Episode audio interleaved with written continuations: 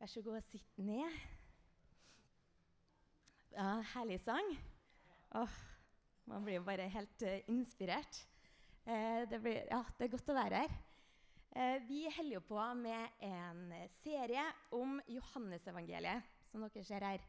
Eh, og Kirsti har tidligere hatt om eh, Jesu tegn.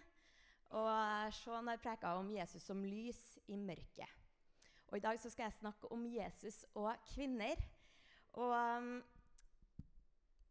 den, jeg har liksom aldri egentlig følt på eh, den her eh, med at damer ikke har så stor plass i kirka, og eh, at liksom damene ikke er så viktige. fordi at jeg vokste opp i den kirka her, eh, som ikke ser på det sånn i det hele tatt.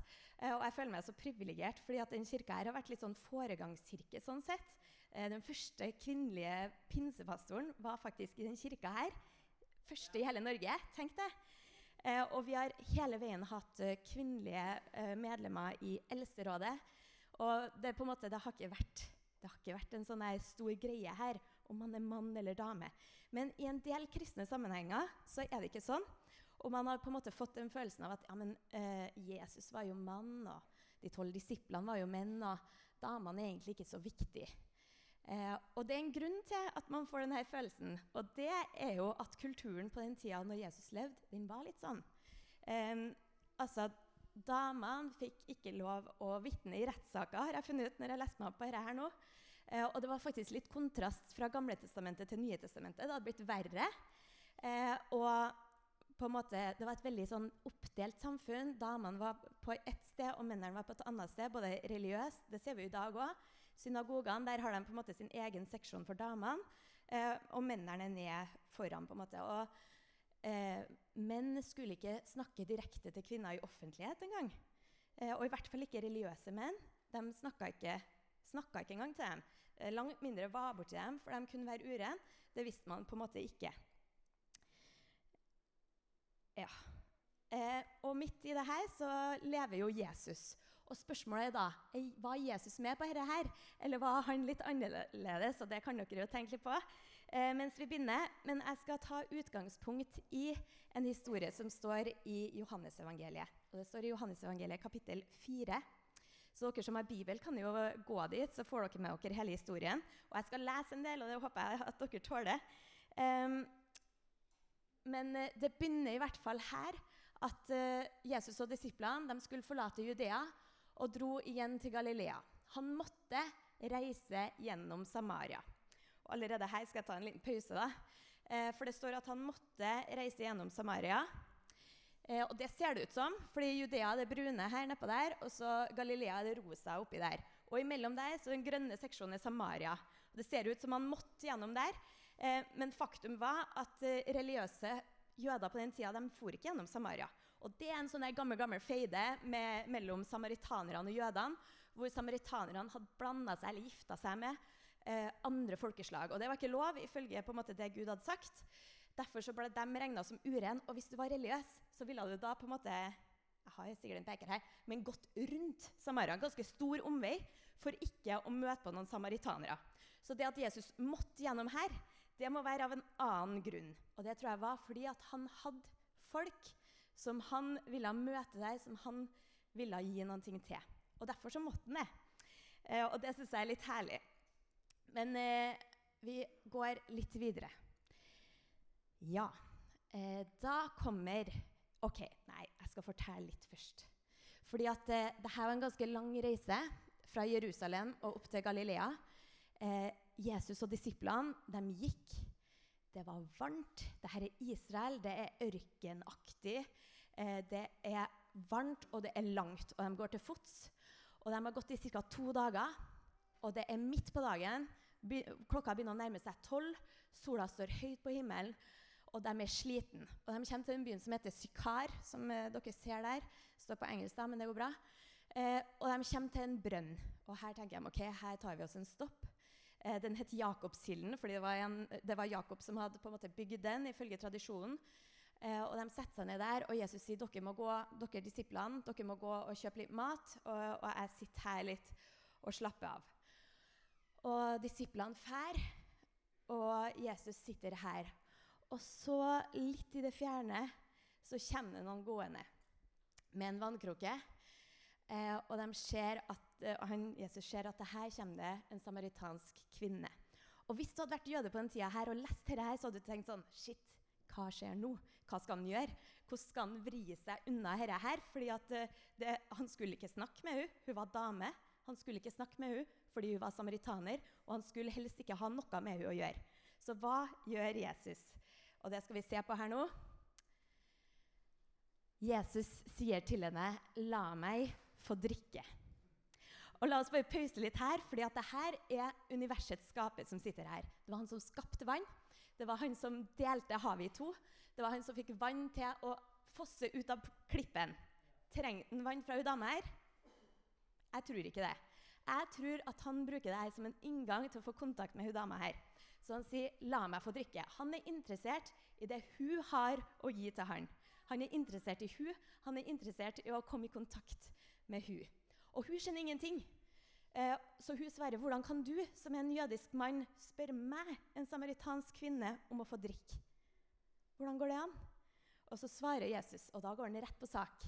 Så sier han. Om du hadde kjent Guds gave og visst hvem det er som ber deg om drikke, da hadde du bedt ham, og han hadde gitt deg levende vann. Han går rett til evangeliet. Hvis du hadde visst hvem jeg var Jeg er Guds gave. Jeg har det levende vannet. Jeg har evig liv. Og hun skjønner ikke helt hva han snakker om. Vi leser litt videre. Herre, du har ikke noe å dra opp vann med, og brønnen er dyp. Hvor får du da det levende vannet fra? Du er vel ikke større enn vår stamfar Jakob? Han ga oss brønnen, og både han selv, sønnene hans og buskapen drakk av den. Jesus svarte, den som drikker av dette vannet, blir tørst igjen. Men den som drikker av det vannet jeg vil gi, skal aldri tørste. For det vannet jeg vil gi, blir i ham en kilde med vann som veller fram og gir evig liv.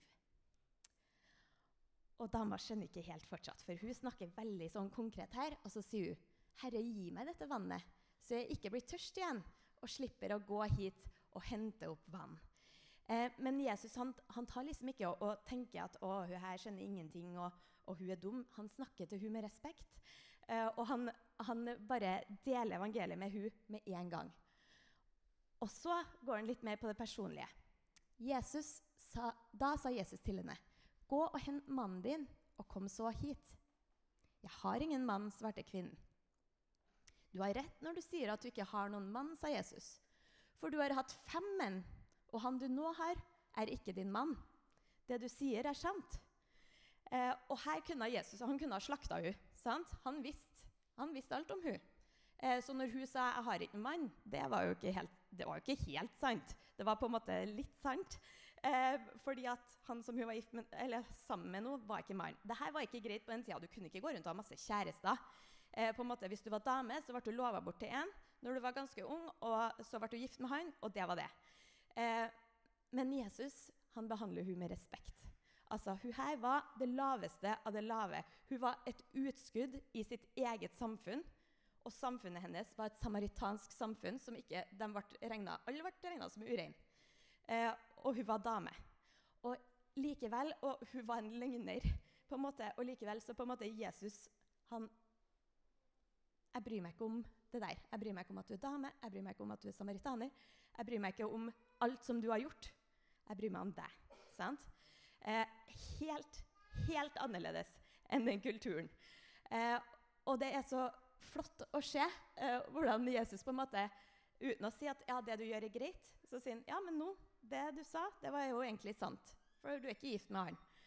Eh, og hun dama bare Hva skjer her? Eh, hvem er det her? Og hun sier, 'Jeg ser at du er en profet'. Og så bare skifter hun litt fokus, selvfølgelig, for hun vil kanskje ikke ha så masse fokus på det. Eh, våre fedre tilba Gud på dette fjellet.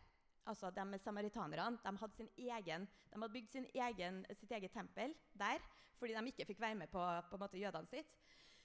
Eh, men dere jødene sier at Jerusalem er stedet der en skal tilbe. Og her kunne Jesus sagt du, Guri meg, skal jeg liksom begynne å diskutere teologi med deg? Det, ikke, altså det, det skjedde ikke. Det var menn som drev med teologi. Det var mennene som, eh, som studerte loven, Toraen. Det var mennene, det var ikke noen damer der. Men Jesus holder seg ikke for god til å diskutere dyp teologi med denne samaritanske dama. Og han sier, Tro meg, kvinne, den time kommer da det verken er på dette fjellet eller i Jerusalem dere skal tilbe Far. Dere, altså samaritanerne, tilber det dere ikke kjenner, men vi tilbe, tilber det vi kjenner, for frelsen kommer fra jødene.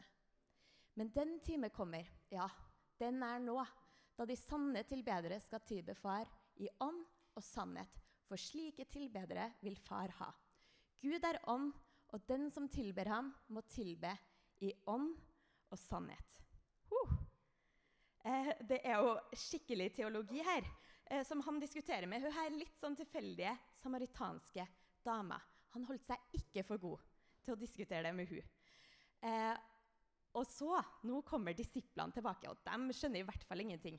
Å eh, oh ja, nei da, ikke helt ennå. Eh, nå kommer vi til det aller høyeste. Jeg vet at Messias kommer. Jeg tror hun dama her begynte å skjønne. Hun, her, han her er ikke en vanlig type. Kan han være? Så hun sier, 'Jeg vet at Messias kommer', sier kvinnen. Messias er det samme som Kristus, samme som den salvede, samme som frelseren. Eh, og når han kommer, skal han fortelle oss alt. Jesus sier til henne, 'Det er jeg, jeg som snakker med deg'. Huh. Eh, tenk det. Altså, Jesus han hadde ikke, han åpenbarer seg for hun her dama her. Han sier 'Jeg er Messias'. Og det hadde han ikke engang gjort til disiplene sine før dette her. Han hadde ikke sagt liksom, 'Jeg er Messias'. Det hadde han ikke sagt til noen før. Hun var den første som fikk denne åpenbaringa sånn direkte sånn 'Jeg er Messias' fra Jesus sin munn. Er ikke det fantastisk? Og altså, han Ja. Det er jeg, jeg som snakker med deg. Og midt når på en måte det her største skjer, så kommer disiplene tilbake. Og de undret seg over at han snakket med en kvinne. De skjønte ingenting. Hva, hva skjer her? Hvorfor snakker han med hun? Det er jo ikke greit. Eh, men ingen av dem spurte hva han ville, eller hvorfor han snakket med henne. Kvinnen lot nå vannkrukken sin stå og gikk inn i byen og sa til folk.: Kom og se en mann som har fortalt meg alt det jeg har gjort. Han skulle vel ikke være Messias? Eh, tenk deg hun her dama her. Hun kom til den brønnen der midt på dagen. Klokka tolv. Det var varmest. Og hvorfor gjorde hun det? Fordi hun ikke ville møte en eneste sjel. Hun var så skamfull. Eh, og det der med å gå og hente vann, det var en sosial greie på den tida her. Eh, det var damene som gjorde det, og de gikk tidlig om morgenen når det ennå var nesten litt som skumring, fordi at da var det fortsatt litt kaldt i lufta. Eh, det var deilig å gå, og selv om det var hardt arbeid, så var det sosialt. Det var der de på snakka om dagen, det var der de snakka om å, hun fikk en baby, og han uh, har uh, blitt uh, forlova med hun, og på en måte alt det sosiale, det skjedde da. Og der gikk de og på en måte prata, og så henta de barn, og så var det litt hyggelig. Men hun dama her hun var ekskludert fra det. Hun ble sett på som åh, ingenting. Hun var på en måte det laveste av det lave. Hun drev og lå rundt, og hun syntes ikke vi noe om. De ville ikke bli sett med henne. Og hun dama her hun, hun, ville, hun hadde fått nok av det, tror jeg. Eh, og hun for dit midt på dagen, fordi da ville hun møte på ingen. Um, og så møter hun Jesus. Og for en forandring! Hun løper inn i byen og sier, 'Kom, her har jeg møtt en mann som har fortalt meg alt jeg har gjort.' Som om hun var noe stolt av det. På en måte alt som hun hadde gjort. Eh, men tenk deg for en gjenopprettelse. Eh, alle hadde sett ned på henne, alle hadde syntes hun var Og så kommer verdens frelser og bare 'Du er viktig. Du, det er deg jeg skal åpenbare meg for. Det er deg jeg forteller det til.' Og hun drar og forteller det her inne i byen. Og hva skjer? Det blir vekkelse. Eh, på en måte, Folk ble med for å møte Jesus, eh, og folk ble frelst. Folk på en måte skjønte at ja, det her er Messias. Og ikke bare det, på en måte Jesus og disiplene ble der noen dager eh, og fortalte videre til alle samaritanerne. Men det var hun som ble på en måte nøkkelen til den landsbyen. Det var hun som ble utvalgt av Jesus til å gå og fortelle de her nyhetene. Han brydde seg ikke om at hun var dame. Han brydde seg ikke om den historien som hun hadde, forhistorien hennes. Det var ikke viktig for han om hun var samaritaner eller ikke. Det som var viktig for han, var å komme og frelse dem som var fortapt. Eh, og det er så fantastisk for en frelse vi har. Eh, det er helt nydelig. Ja, nå har jeg ikke sett om jeg har sagt alt jeg skulle si. Eh, men eh, evangeliene er fulle av damer som fulgte Jesus. Og selv om det ikke det var ikke vanlig at damene var med på en måte i følge til en sånn her eh, religiøs eh, rabbi. Det var ikke, altså, de hadde ikke noe plass der. Men vi har Maria Magdalena, som var litt samme som dama her. Sant? Litt sånn på sida. Eh, vi har Martha og Maria, og Maria som var søstera til Martha, som satt ved Jesu føtter. Og det leser jeg noen ganger og tenker sånn Ja, det satt ved Jesu føtter, ja, det er fint. Men det var en plass Det betydde at da gikk du i lære hos en rabbi. Eh, det å sitte ved en rabbis føtter det var en plass som var forbeholdt for menn og for gutter. Men Jesus sier nei, hun har valgt en gode del. Den skal ikke tas ifra hun. Hun kan være min disippel. Eh, og hvem var det som når Jesus hadde stått opp, verdenshistoriens største begivenhet, hvem var det som fikk se ham først? Det var damene. Og de skulle gå og fortelle til resten av disiplene. Jesus så ikke på dem som utroverdige vitner. Jesus så på dem som viktig. Eh, og jeg tror, på en måte så tror jeg ikke Jesus jeg tror ikke han var så opptatt av det. Jeg tror ikke liksom, Han holder ikke opp å ja, damene er viktigst eller mennene er viktigst. Jeg tror ikke det var så farlig. Jeg tror han så mennesker som trengte han. Eh, og det var det som var viktig for han. Eh, og Vi ser jo rundt i verden hvor kristendommen har stått eller står sterkt, så har kvinner det bedre. Har dere lagt merke til det? Hvis man tenker seg om, eh, de stedene hvor det er litt sånn ah, likt og rettigheter for kvinner, det er der hvor det, kristendommen står sterkt. Og det tror jeg har med vår frelser, som ser på kvinner ikke som mindreverdig, eh, men som likeverdig og som verdifull, og som ja, folk som han er glad i, og som han ønsker å møte. Og han, eh, han ønsker å møte kvinner, og han ønsker å møte menn, og han ønsker å frelse alle. Eh, han var villig til å gå dit ingen andre var villig til å gå, for å frelse dem som ingen andre var villig til å frelse eller til å bry seg om i det hele tatt. Eh, og det er jo vår store glede, egentlig, og vår store utfordring. Eh, fordi at han var villig til å nå ut til deg, han var villig til å nå ut til meg. Og han er villig til å nå ut til dem på jobben din som du ikke liker så godt. Eller hun der dama der som du tenker å, hun ass. Eh, han er interessert i hun òg. Eh, sånn at vi må ikke holde oss for høy eller for god eller noe som helst for å nå ut til noen som helst. Fordi det gjorde ikke Jesus. Han gikk der ingen andre var villig til å gå, for å nå dem som ingen andre var villig til å nå. Amen. Jeg tror jeg stopper der, og så takker vi Jesus. Kan vi ikke bare reise oss opp, og lovsangstimen kan komme opp, og så priser vi Jesus litt. Jeg har fått det litt sånn, Når jeg forberedte meg til dette, herlighet, hvor bra Jesus er. Åh, For en frelse vi har. Eh, det er så fantastisk. Takk, Herre Jesus, at du var villig til å gå til hun samaritanske dama. Takk at du ikke bryr deg om etnisitet. Takk at du ikke bryr deg om kjønn. Eh, takk at det viktigste for deg er ikke om vi er perfekte eller uperfekte, eh, fordi alle er uperfekte foran deg men at du er villig til å nå folk med din frelse. Takk at du, var, du kom til henne og så sa du, det er jeg. Det er jeg som du snakker med, som er Messias. Takk at du er villig til å snakke med oss. Takk at du er villig til å se oss. Takk at du er villig til å gjenopprette oss. Og jeg ber deg, Herre, at vi ikke skal ha noen unnskyldninger eh, innenfor deg om at du ikke kan bruke oss. Hvis du kunne bruke hun her samaritanske dama til å bringe vekkelse, så kan du bruke oss også. Takk at du kan bruke hver enkelt som er her i dag, uansett hva vi har gjort, eller hvem vi er, eller om vi er mann eller om vi er dame, eller om vi er norsk eller ikke norsk. Eh, takk at det ikke betyr noe for deg. Prise ditt navn. Takk at du er så god. Takk at du er så inkluderende. Og jeg ber deg, Herre, at uh, den måten du er på, at den skal utfordre oss, og at vi skal klare å prøve å være sånn som deg Priser ditt navn. Takk for alt som du var villig til å gjøre for å nå alle oss uperfekte. Takk, Herre Jesus.